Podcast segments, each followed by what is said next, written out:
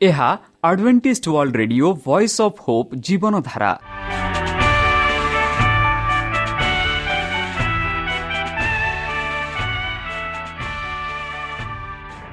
Odia radio କାର୍ଯ୍ୟକ୍ରମ ଯାହା ଆମର ଆନ୍ତର୍ଜାତୀୟ ଆଘାତ କେନ୍ଦ୍ରରୁ ପ୍ରସାରଣ କରାଯାଉଛି ପ୍ରତିଦିନ ରାତି ନଅଟା ତିରିଶ ମିନିଟ୍ରେ। ମୁଁ ସୁବ୍ରତ କୁମାର ପତି ପ୍ରେମର ସହ ଆପଣମାନଙ୍କୁ ଏହି କାର୍ଯ୍ୟକ୍ରମକୁ ସ୍ୱାଗତ କରୁଅଛି। ଚାଲନ୍ତୁ ଆଜିର ତିରିଶ ମିନିଟ୍ର କାର୍ଯ୍ୟକ୍ରମ ବିଷୟରେ ଜାଣିନେବା। ପ୍ରଥମେ ରଖିଛୁ ଆଧ୍ୟାତ୍ମିକ ଭକ୍ତିମୟ ଗୀତ। ଏହାପରେ ଶୁଣିବା ସ୍ୱାସ୍ଥ୍ୟ ବିଷୟରେ ଯାହା ଆମର ଦୈନିକ ଜୀବନରେ ଅତ୍ୟନ୍ତ ଜରୁରୀ।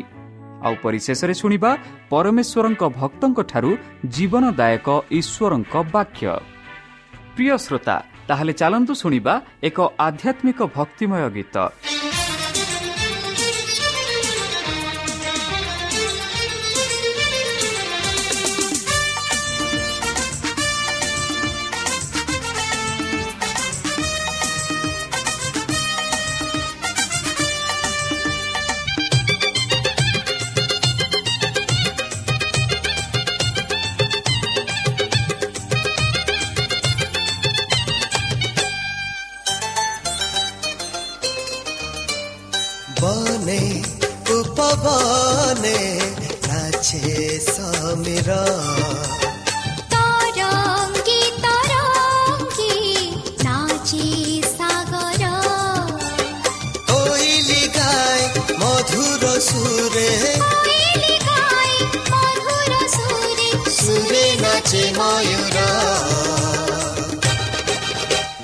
তারকানাচি ঝুমি ঝুমি নীল আকাশে।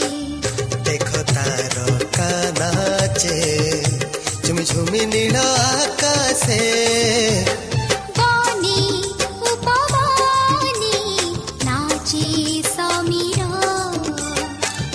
तरंगे तरंगे नाचे सागर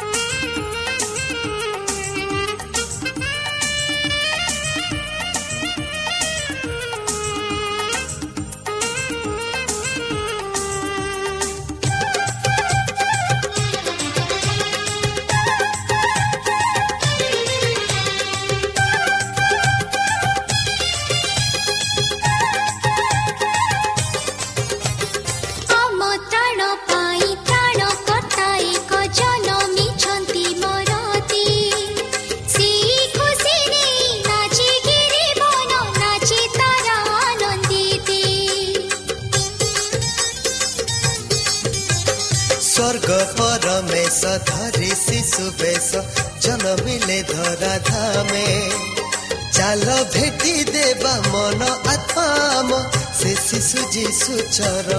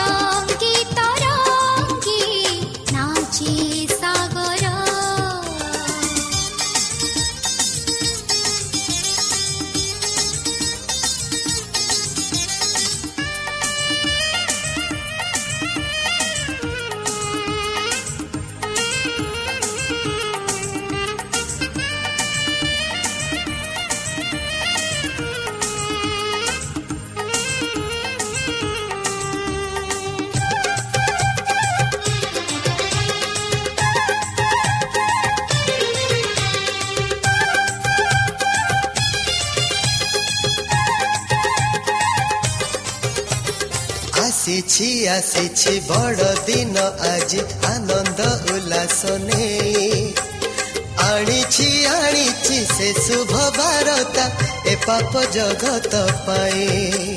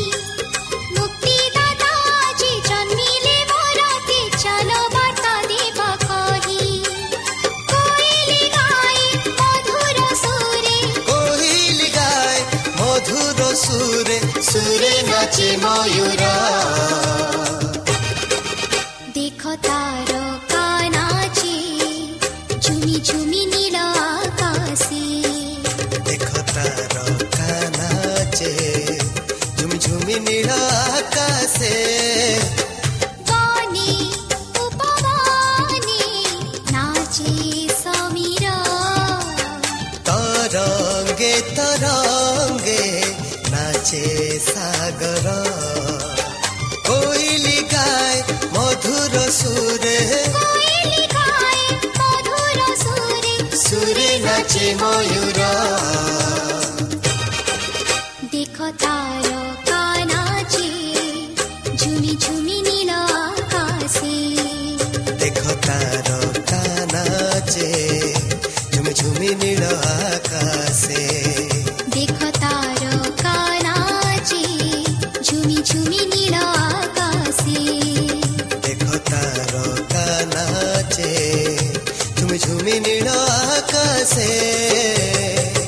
শ্রোতা আমি আশা করুଛୁ ଯେ ଆମର କାର୍ଯ୍ୟକ୍ରମ ଆପଣମାନଙ୍କୁ ପସନ୍ଦ ଲାଗୁଥିବ ଆପଣଙ୍କର ମତାମତ ଜଣାଇବା ପାଇଁ ଆମର ଏହି ଠିକଣାରେ ଯୋଗାଯୋଗ କରନ୍ତୁ ଆମ ଠିକଣା Adventist media centre SDA mission compound Salisbury park Pune ଚାରି ଏକ ଏକ ଶୂନ ତିନି ସାତ ମହାରାଷ୍ଟ୍ର ବା ଖୋଲନ୍ତୁ ଆମର ୱେବସାଇଟ୍ ଯେକୌଣସି Android phone smartphone desktop laptop କିମ୍ବା ଟ୍ୟାବ୍ଲେଟ୍ ଆମର ୱେବସାଇଟ୍ ଓ ଆର୍ ଆଇ ଏବଂ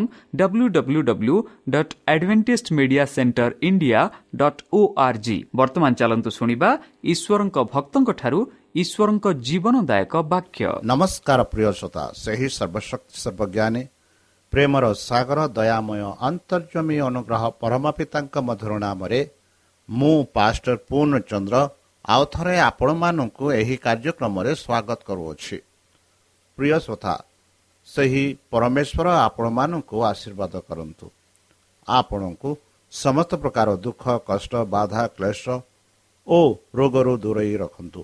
ବିଶେଷ ଭାବରେ ବର୍ତ୍ତମାନ ଯେଉଁ କରୋନା ମହାମାରୀ ସାରା ପୃଥିବୀକୁ ଆପଣା ପ୍ରଭାବ ଦେଖାଉଅଛି ସେହି ପ୍ରଭାବରୁ ଆପଣମାନଙ୍କୁ ସୁରକ୍ଷାରେ ରଖନ୍ତୁ।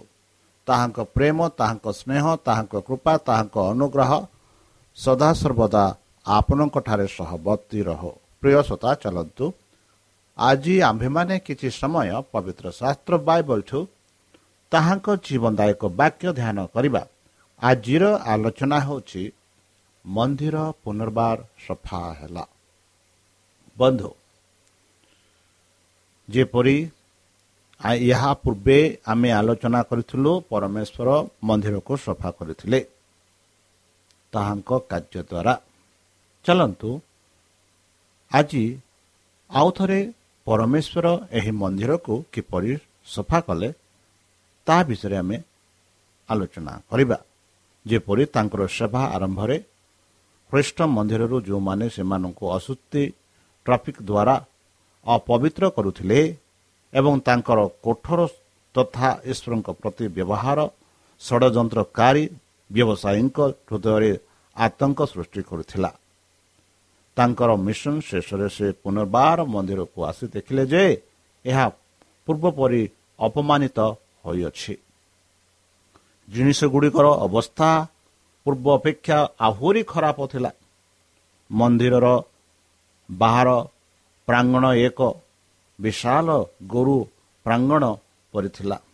ପଶୁମାନଙ୍କ କ୍ରନ୍ଦନ ଏବଂ ମୁଦ୍ରାର ତ୍ରୁଟି ଟିଙ୍କି ବେପାରୀଙ୍କ ମଧ୍ୟରେ କ୍ରୋଧିତ ବିବାଦର ଶବ୍ଦକୁ ମିଶ୍ରିତ କଲା ଏବଂ ସେମାନଙ୍କ ମଧ୍ୟରେ ପବିତ୍ର କାର୍ଯ୍ୟାଳୟରେ ପୁରୁଷଙ୍କ ସ୍ୱର ଶୁଣାଗଲା। ମନ୍ଦିରର ମାନ୍ୟଗଣ୍ୟ ବ୍ୟକ୍ତି ନିଜେ କ୍ରୟ ବିକ୍ରୟ ଏବଂ ଟଙ୍କା ନିୟମରେ ନିୟୋଜିତ ଥିଲେ। ସେମାନଙ୍କର ଲାଭ ଲୋଭ ଦ୍ୱାରା ସେମାନେ ସମ୍ପୂର୍ଣ୍ଣ ଭାବରେ ନିୟନ୍ତ୍ରିତ ହୋଇଥିଲେ। ଯେ ଈଶ୍ୱରଙ୍କ ଦୃଷ୍ଟିରେ ସେମାନେ ଚୋରମାନଙ୍କ ଅପେକ୍ଷା ଭଲ ନଥିଲେ। ଯାଜକ ଓ ଶାସକମାନଙ୍କ ମାନେ ଏହି କାର୍ଯ୍ୟର ଏକମାତ୍ରତାକୁ ଅନୁଭବ କଲେ ନାହିଁ ଯାହା ସେମାନଙ୍କ କରିବା ଥିଲା। ପ୍ରତ୍ୟେକ ନିସ୍ତର ପର୍ବ ଏବଂ ତମ୍ବୁ ପର୍ବରେ ହଜାର ହଜାର ପଶୁଙ୍କ ହତ୍ୟା କରାଯାଉଥିଲା ଏବଂ ସେମାନଙ୍କ ରକ୍ତ ପୁରୋହିତମାନେ ଧରି ଦେବୀ ଉପରେ ଢାଳିଲେ ଯେଉଁଦୀମାନେ ରକ୍ତ ନୈବେଦ୍ୟ ସହିତ ପରିଚିତ ହୋଇଥିଲେ ଏବଂ ପଶୁମାନଙ୍କ ରକ୍ତ ଢାଳିବା ଆବଶ୍ୟକ କରୁଥିବା ପାପ ହେତୁ ଏହା ପ୍ରାୟ ଭୁଲି ଯାଇଥିଲେ। ସେମାନେ କରାଯାଉଛି ଏହି ମହର। ଏହା ପରେମ ଈଶ୍ୱରଙ୍କ ପ୍ରିୟ ପୁତ୍ର ରକ୍ତ ଯେ ନାହିଁ ଯାହା ଜଗତର ଲୋକମାନେ ଜୀବନ୍ତ ହତ୍ୟା କରାଯିବ।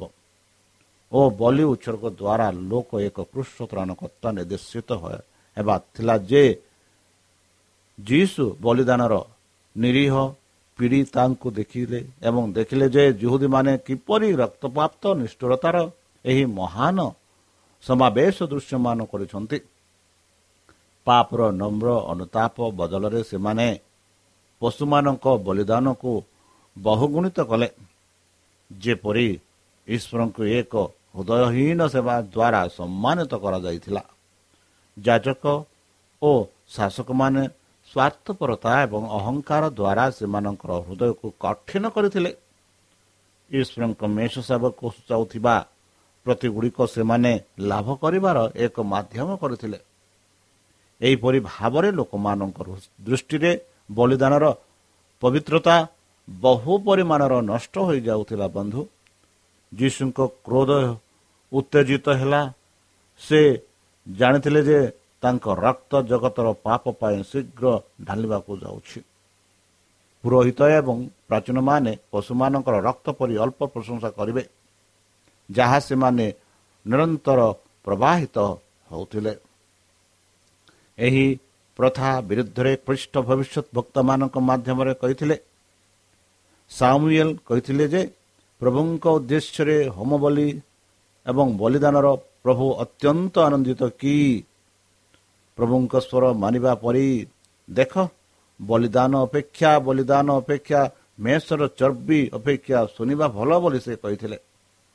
ଜିସାୟର ଭବିଷ୍ୟତ ଭକ୍ତ ଦୃଷ୍ଟିରୁ ଯେଉଁଦୀମାନଙ୍କ ବିଦ୍ରୋହକୁ ଦେଖି ସେମାନଙ୍କୁ ସଦମ ଓ ଗମରାଙ୍କର ଶାସକ ଭାବରେ ସମ୍ବୋଧିତ କଲେ ହେ ସମ ସଦମର ଶାସକଗଣ ପ୍ରଭୁଙ୍କ ବାକ୍ୟ ଶୁଣ ବୋଲି ସେ କହିଲେ। ଗମରାର ଲୋକମାନେ ଆମମାନଙ୍କ ପରମେଶ୍ୱରଙ୍କ ନିୟମକୁ ଶୁଣ ବୋଲି ସେ କହିଥିଲେ। ସଦାପ୍ରଭୁ କୁହନ୍ତି ମୋର ବଳିଦାନର ବଳିଦାନ ଓ ପଶୁମାନଙ୍କ ଚର୍ବିରେ ପରିପୂର୍ଣ୍ଣ ମୁଁ। କିମ୍ବା ମେଷ ସାବଙ୍କ ରକ୍ତରେ ଆନନ୍ଦ କରେ ନାହିଁ ବୋଲି ସେ କହିଥିଲେ। ଯେତେବେଳେ ତୁମ୍ଭେ ମୋ ସମ୍ମୁଖରେ ହଜାର ହାଜାର ହେବାକୁ ଆସିବ ମୋର ଅଦଳତାର ଦଳି ଦେବା ପାଇଁ କିଏ ଏହା ଆବଶ୍ୟକ କରିଛି? ତୁମକୁ ଧୋଇ ଦିଅ ତୁମକୁ ପରିଷ୍କାର କର ବୋଲି ସେ କହିଲେ। ମୋର ଆଖି ଆଗରୁ ତୁମର କାର୍ଯ୍ୟ ଦୃଷ୍ଟତାକୁ ଦୂର କର ମନ୍ଦ କାମ ବନ୍ଦ କର ଭଲ କାମ କର ଶିଖ ବିଚାର କର ଦଳିତମାନଙ୍କୁ ମୁକ୍ତ କର ପିତୃହୀନଙ୍କୁ ବିଚାର କର ବିଧାବଙ୍କୁ ନିବେଦନ କର ସାହାଯ୍ୟ କର ଏହିପରି ସେ ଭବିଷ୍ୟତ ବକ୍ତା ଜିସାୟ କହିଥିଲେ। ଆଉ ସାମିଲ ବି କହିଥିଲେ ବନ୍ଧୁ ଯିଏ ନିଜେ ଏହି ଭବିଷ୍ୟତବାଣୀ ଗୁଡ଼ିକ ଶେଷ ଥର ପାଇଁ ଦେଖିଛନ୍ତି ସେ ଶେଷ ଥର ପାଇଁ ଚେତାବନୀ ଦେଇଛନ୍ତି ବନ୍ଧୁ। ଭବିଷ୍ୟତବାଣୀ ପୂରଣ କରି ଲୋକମାନେ ଯୀଶୁଙ୍କୁ ଇସ୍ରାଏଲର ରାଜା ଘୋଷଣା କଲେ। ସେ ସେମାନଙ୍କ ଶ୍ରଦ୍ଧାଞ୍ଜଳି ଗ୍ରହଣ କରି ରାଜାଙ୍କ କାର୍ଯ୍ୟାଳୟ ଗ୍ରହଣ କଲେ। ଏହି ଚରିତ୍ରରେ ସେ ନିୟମ ଅନିୟ କରିବେ। ସେ ଜାଣିଥିଲେ ଯେ ଏକ ଦୁର୍ନୀତିଗ୍ରସ୍ତ ପୁରୋହିତଙ୍କ ସଂସ୍କାର ପାଇଁ ତାଙ୍କର ପ୍ରାୟସ ବୃଥା ହେବ। ତଥାପି ତାଙ୍କର କାର୍ଯ୍ୟ ନିଶ୍ଚୟ କରାଯିବା ଉଚିତ। ଜଣେ ଅବିଶ୍ୱାସୀ ଲୋକମାନଙ୍କୁ ତାଙ୍କର ଈଶ୍ୱରୀୟ ମନର ପ୍ରମାଣ ଦିଆଯିବା ଆବଶ୍ୟକ। ବନ୍ଧୁ ପୁନର୍ବାର ଯୀଶୁଙ୍କ ବିଦ୍ଧ ଦୃଶ୍ୟ ମନ୍ଦିରର ଅପବିତ୍ରତା ପ୍ରାଙ୍ଗଣ ଉପରେ ପଡ଼ିଗଲା। ସମସ୍ତ ଆଖି ତାଙ୍କ ଆଡ଼କୁ ଚାହୁଁ ରହିଲା। ବା ଚାହିଁ ରହିଲା। ପୁରୋହିତ ଏବଂ ଶାସକ ଫାରୁସି ଅନ୍ୟ ଯେଉଁଦୀମାନେ ଯେଉଁମାନେ ସ୍ୱର୍ଗର ରାଜ୍ୟଙ୍କ ମହିମା ସହିତ ସେମାନଙ୍କ ସମ୍ମୁଖରେ ଠିଆ ହୋଇଥିଲେ ସେମାନଙ୍କୁ ଆଶ୍ଚର୍ଯ୍ୟ ଏବଂ ଭୟ କଲା। ଈଶ୍ୱରୀୟ ମତ୍ତା ମାନବିକତା ମାଧ୍ୟମରେ ଲସି ଉଠିଲା। ପୃଷ୍ଠଙ୍କୁ ଏକ ସମ୍ମାନ ଏବଂ ଗୌରବ ସହିତ ବିନିଯୋଗ କଲା ଯାହା ସେ ପୂର୍ବରୁ ପ୍ରକାଶ କରିନଥିଲେ। ତାଙ୍କ ନିକଟରେ ଠିଆ ହୋଇଥିବା ଲୋକମାନେ ଯେତେ ଦୂର ଅନୁମତି ଦେଲେ ସେତେ ଦୂରକୁ ଟାଣି ନେଲା। ତାଙ୍କର କିଛି ଶିଷ୍ୟ ବ୍ୟତୀତ ତ୍ରାଣକର୍ତ୍ତା ଏକାକୀ ଠିଆ ହେଲେ। ପ୍ରତ୍ୟେକ ଧ୍ୱନି ଶାନ୍ତ ହେଲା। ଗଭୀର ନିବରତା ଅସହ୍ୟ ମନେ ହେଲା। ଖ୍ରୀଷ୍ଟ ଏପରି ଏକ ଶକ୍ତି ସହିତ କହିଥିଲେ ଯେ ପ୍ରବଳ ଝଡ଼ ପରି ଲୋକମାନଙ୍କୁ ପ୍ରଭାବିତ କରିଥିଲା। ଶାସ୍ତ୍ରରେ ଲେଖା ଅଛି ମୋ ଘରକୁ ପ୍ରାର୍ଥନା ଗୃହ କୁହାଯିବ କିନ୍ତୁ ତୁମେ ଏହାକୁ ଚୋରମାନଙ୍କ ଗୁମ୍ଫା କରିଅଛ ବୋଲି ତାଙ୍କର ସ୍ୱର ମନ୍ଦିର ତୁରି ଭଳି ଶୁଣାଗଲା। ତାଙ୍କ ମୁଖର ଅସନ୍ତୋଷ ଅଗ୍ନି ଗ୍ରାସ କଲା ପରି ଲାଗିଲା। କଥୋପ ସହିତ ସେ ଆଦେଶ ଦେଲେ ଏସବୁକୁ ନିଅ। ବନ୍ଧୁ ତିନି ବର୍ଷ ପୂର୍ବେ ମନ୍ଦିରର ଶାସକମାନେ ଯୀଶୁଙ୍କ ଆଦେଶ ପୂର୍ବରୁ ସେମାନେ ଉଡ଼ାଣ ପାଇଁ ଲଜ୍ଜିତ ହୋଇଥିଲେ। ଏହାପରେ ସେମାନେ ନିଜ ଭୟ ଏବଂ ଜଣେ ନମ୍ର ମଣିଷ ପ୍ରତି ସେମାନଙ୍କ ଅବିଶ୍ୱାସନୀୟ ଆଜ୍ଞା ବିଷୟରେ ଆଶ୍ଚର୍ଯ୍ୟ ହୋଇଥିଲେ। ସେମାନେ ଅନୁଭବ କରିଥିଲେ ଯେ ସେମାନଙ୍କ ଆରୋଗ୍ୟ ଆତ୍ମସମର୍ପଣ ପୁନରାବୃତ୍ତି ହେବା ଅସମ୍ଭବ ଅଟେ।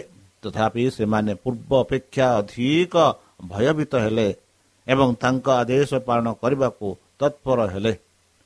ତାଙ୍କ କର୍ତ୍ତବ୍ୟ ଉପରେ ପ୍ରଶ୍ନ କରିବାକୁ ସାହସ କରୁଥିବା କେହି ନଥିଲେ। ଯାଜକ ଏବଂ ବଣିକମାନେ ତାଙ୍କ ଉପରକୁ ପକାଇଲେ। ମନ୍ଦିରରୁ ଯିବା ବାଟରେ ସେମାନଙ୍କୁ ଏକ ଜନ ସମାଗମ ହୋଇଥିଲା। ସେମାନେ ସେମାନଙ୍କର ଅସ୍ତୁତା ସହିତ ମହାନ ଆରୋଗ୍ୟକାରୀଙ୍କ ପଚାରିଥିଲେ। ପଳାୟନ କରୁଥିବା ଲୋକମାନଙ୍କ ଦ୍ୱାରା ଦିଆଯାଇଥିବା ରିପୋର୍ଟରେ ଏମାନଙ୍କ ମଧ୍ୟରୁ କେତେକ ପଛକୁ ଫେରି ଆସିଥିଲେ।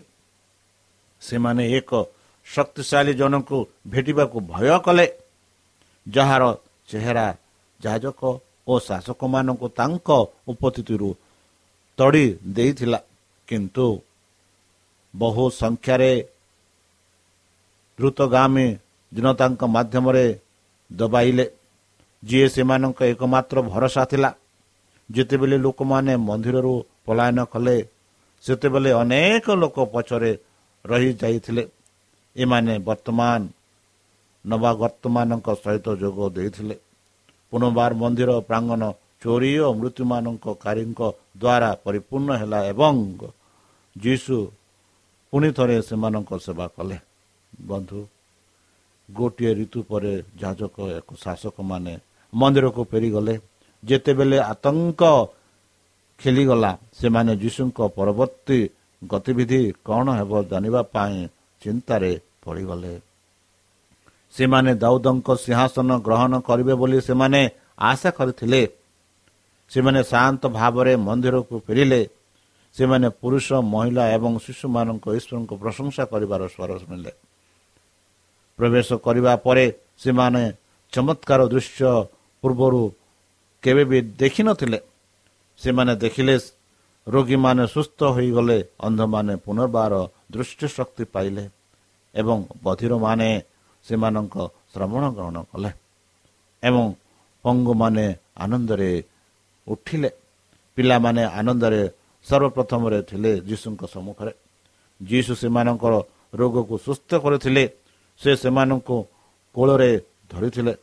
କୃତଜ୍ଞ ସ୍ନେହର ଚୁମ୍ବନ ଗ୍ରହଣ କରିଥିଲେ ଏବଂ ସେ ଲୋକମାନଙ୍କୁ ଶିକ୍ଷା ଦେଇଥିବା କେବଳ ସେମାନଙ୍କ ସ୍ତନ ଉପରେ ଶୋଇପଡ଼ିଲେ। ବର୍ତ୍ତମାନ ଆନନ୍ଦିତ ସ୍ୱରରେ ପିଲାମାନେ ତାଙ୍କର ପ୍ରଶଂସା କଲେ। ସେମାନେ ପୂର୍ବ ଦିନର ହୋସନା ପୁନର୍ବାର୍ଜିତ କରିଥିଲେ ଏବଂ ତ୍ରାଣକର୍ତ୍ତାଙ୍କ ସମ୍ମୁଖରେ ଖଜୁରୀ ଶାଖା ଜୟ କଲା। ଯେପରି ଗୀତ ସଂହିତା ଜିକ୍ରିୟ କହନ୍ତି ପ୍ରଭୁଙ୍କ ନାମରେ ଆସୁଥିବା ଲୋକ ଧନ୍ୟ। ଦେଖ ତୁମର ରାଜା ତୁମ ନିକଟକୁ ଆସନ୍ତି। ସେ ଧାର୍ମିକ ଓ ପରିତ୍ରାଣ ପାଇଛନ୍ତି।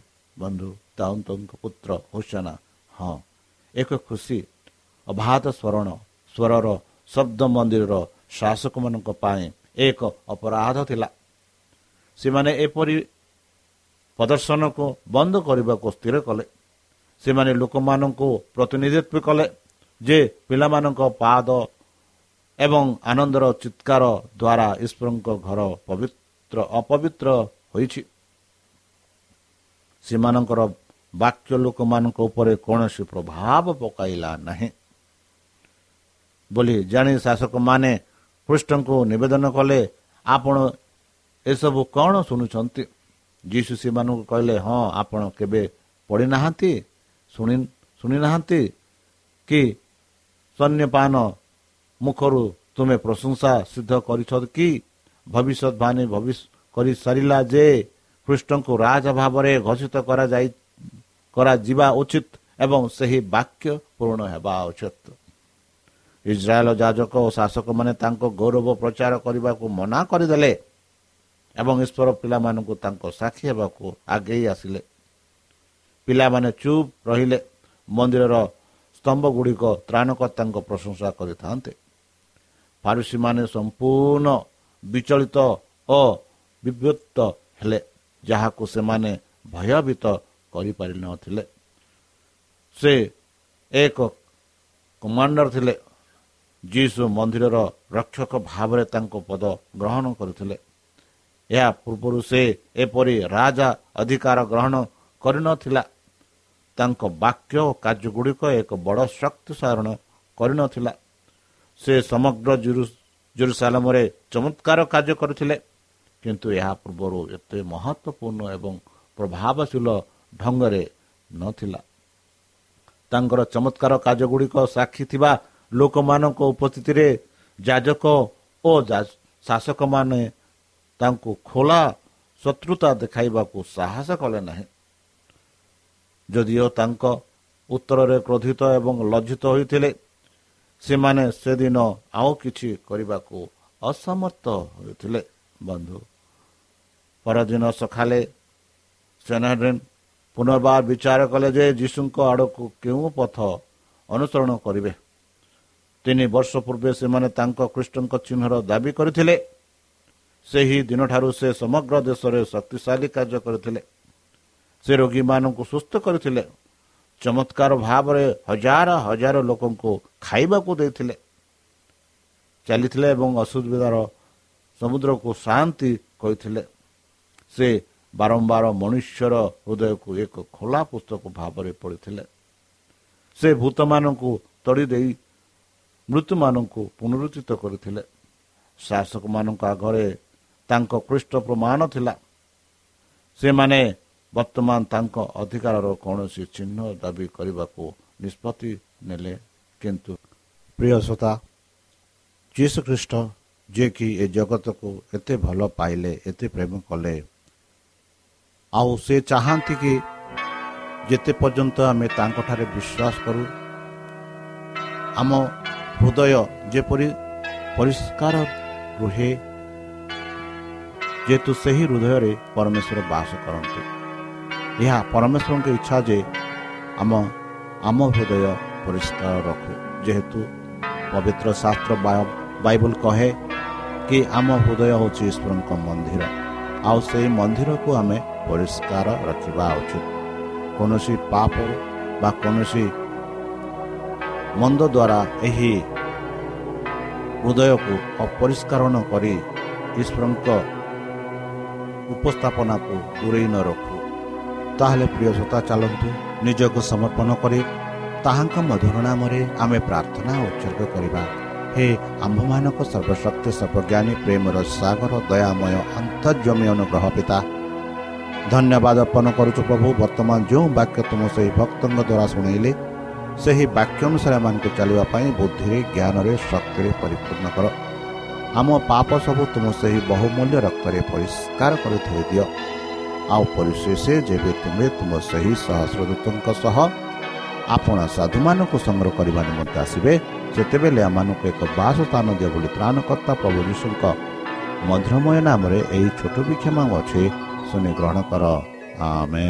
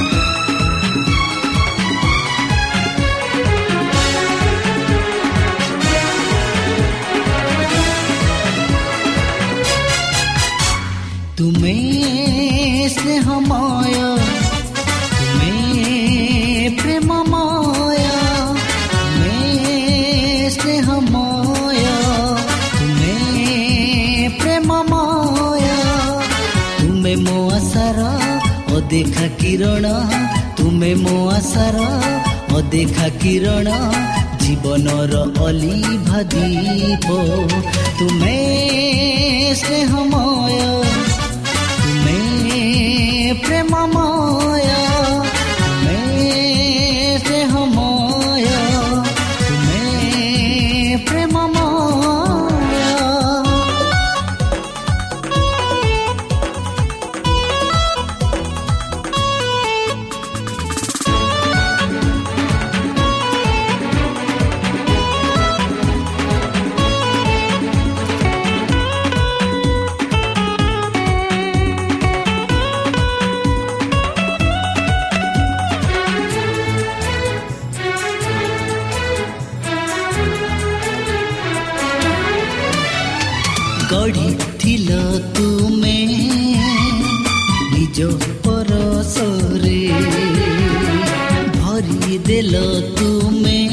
শ্রোতা আমি আশা করুছু যে আমার কার্যক্রম ଆପଣମାନଙ୍କୁ ପସନ୍ଦ ଲାଗୁଥିବ ଆପଣଙ୍କର ମତାମତ ଜଣାଇବା ପାଇଁ ଆମର ଏହି ଠିକଣାରେ ଯୋଗାଯୋଗ କରନ୍ତୁ ଆମ ଠିକଣା Adventist Media Centre SDA Mission Compound Salisbury Park Pune ଚାରି ଏକ ଏକ ଶୂନ ତିନି ସାତ ମହାରାଷ୍ଟ୍ର ବା ଖୋଲନ୍ତୁ ଆମର ୱେବସାଇଟ୍ ଯେକୌଣସି Android phone smartphone desktop laptop କିମ୍ବା ଟ୍ୟାବ୍ଲେଟ୍ ଆମର website W W W dot A W R dot O R G slash O R I ଏବଂ W W W dot Adventist media centre India dot O R G Adventist media centre ଇଣ୍ଡିଆର spelling ହେଉଛି A D V E N T I S T M E D I A C E N T R E I N D I A ଅଥବା download କରନ୍ତୁ ଆମର mobile app ଆପଣଙ୍କର mobile play ଷ୍ଟୋରକୁ ଯାଆନ୍ତୁ ଆଉ type କରନ୍ତୁ the voice of hope ଆଉ ଡାଉନଲୋଡ୍ କରନ୍ତୁ। ଈଶ୍ୱର ଆପଣଙ୍କୁ ଆଶୀର୍ବାଦ କରନ୍ତୁ। ଧନ୍ୟବାଦ।